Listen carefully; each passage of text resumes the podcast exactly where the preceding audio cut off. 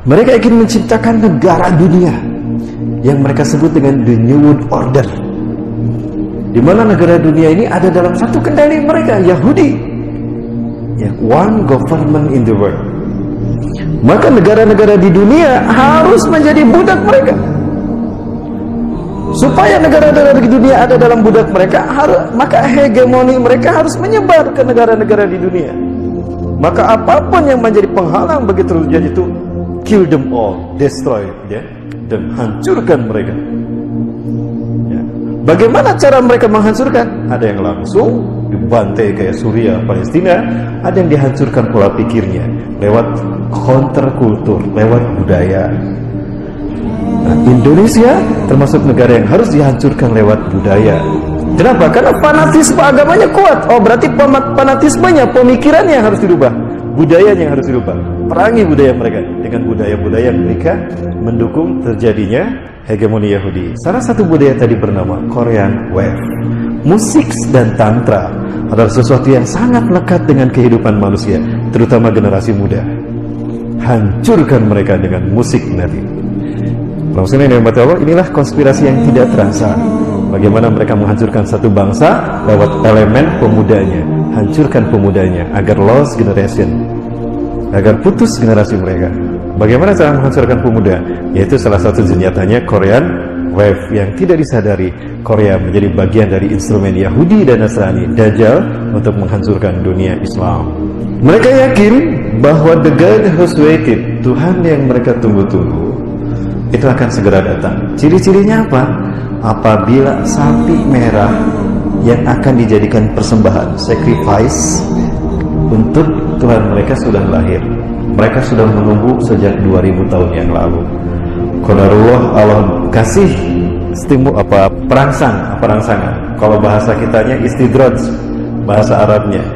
Ternyata sapi yang mereka tunggu-tunggu itu lahir 2000 tahun setelah 2000 tahun menunggu itu isyarat kalau the garden itu Tuhan yang mereka tunggu-tunggu telah maka harus mereka lakukan percepatan karena mereka yakin ambisi mereka mendirikan Y2K akan segera terwujud. Bangsa Yahudi berupaya untuk melakukan percepatan dalam mendirikan tatanan dunia baru yang mereka lakukan melalui berbagai macam cara. Ada tiga ranah yang mereka sentuh. Satu simbol. Kedua arsitektur, yang ketiga ritual. Terkait dengan ritual ini juga ada ritual agama, ada ritual budaya. Nah, di dalam ritual budaya, mereka memanfaatkan media yang mereka bangun. Nah, media inilah yang menciptakan entertain dan musik serta film yang menjadi instrumen lain dari sistem Yahudi, sistem Dajjal.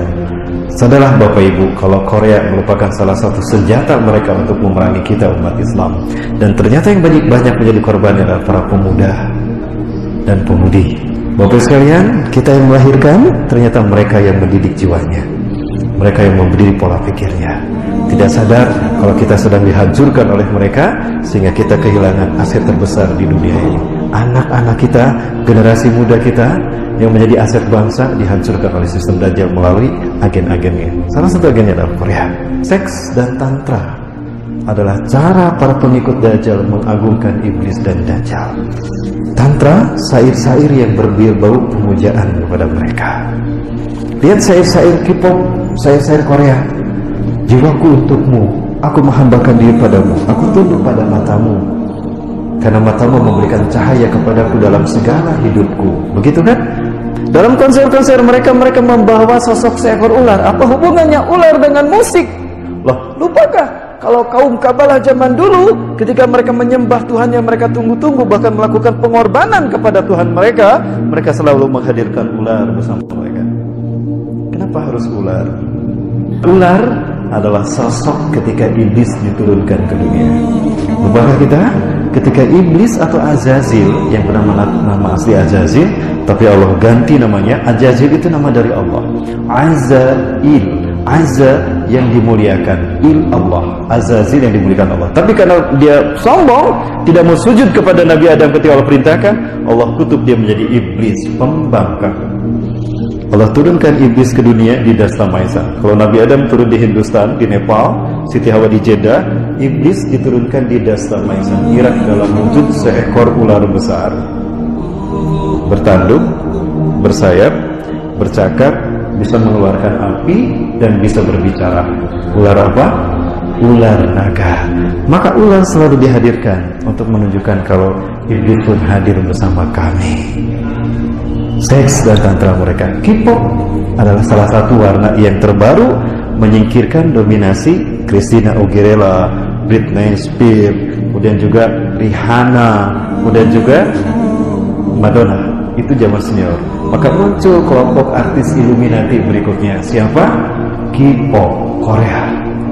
Dan ternyata efektif untuk menghancurkan Asia. Kenapa harus Asia?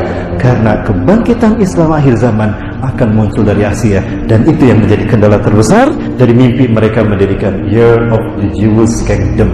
Pesan-pesan terbung di dalamnya yang pesan-pesan ini adalah bentuk pengagungan mereka kepada Tuhan yang mereka sembah, iblis dan dajjal yang kemudian disimbolkan dengan seperti ini.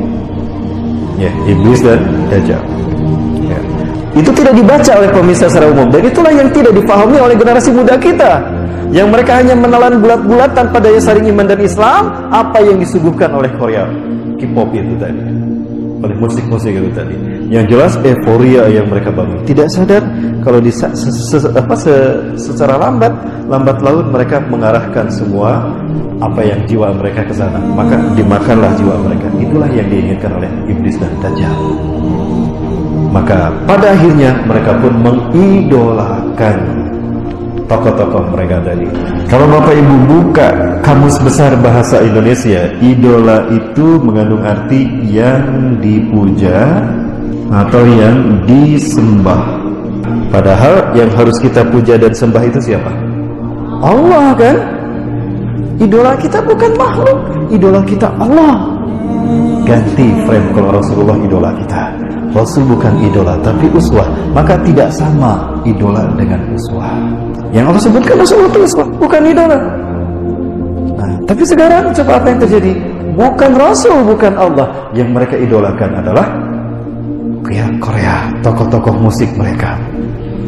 Tidak sadar, kita digiring kepada kemusyrikan. Ini yang terjadi pada generasi muda. Ini sebetulnya yang mereka inginkan dengan menghadirkan K-pop ke tanah air kita. Menghancurkan generasi muda Indonesia.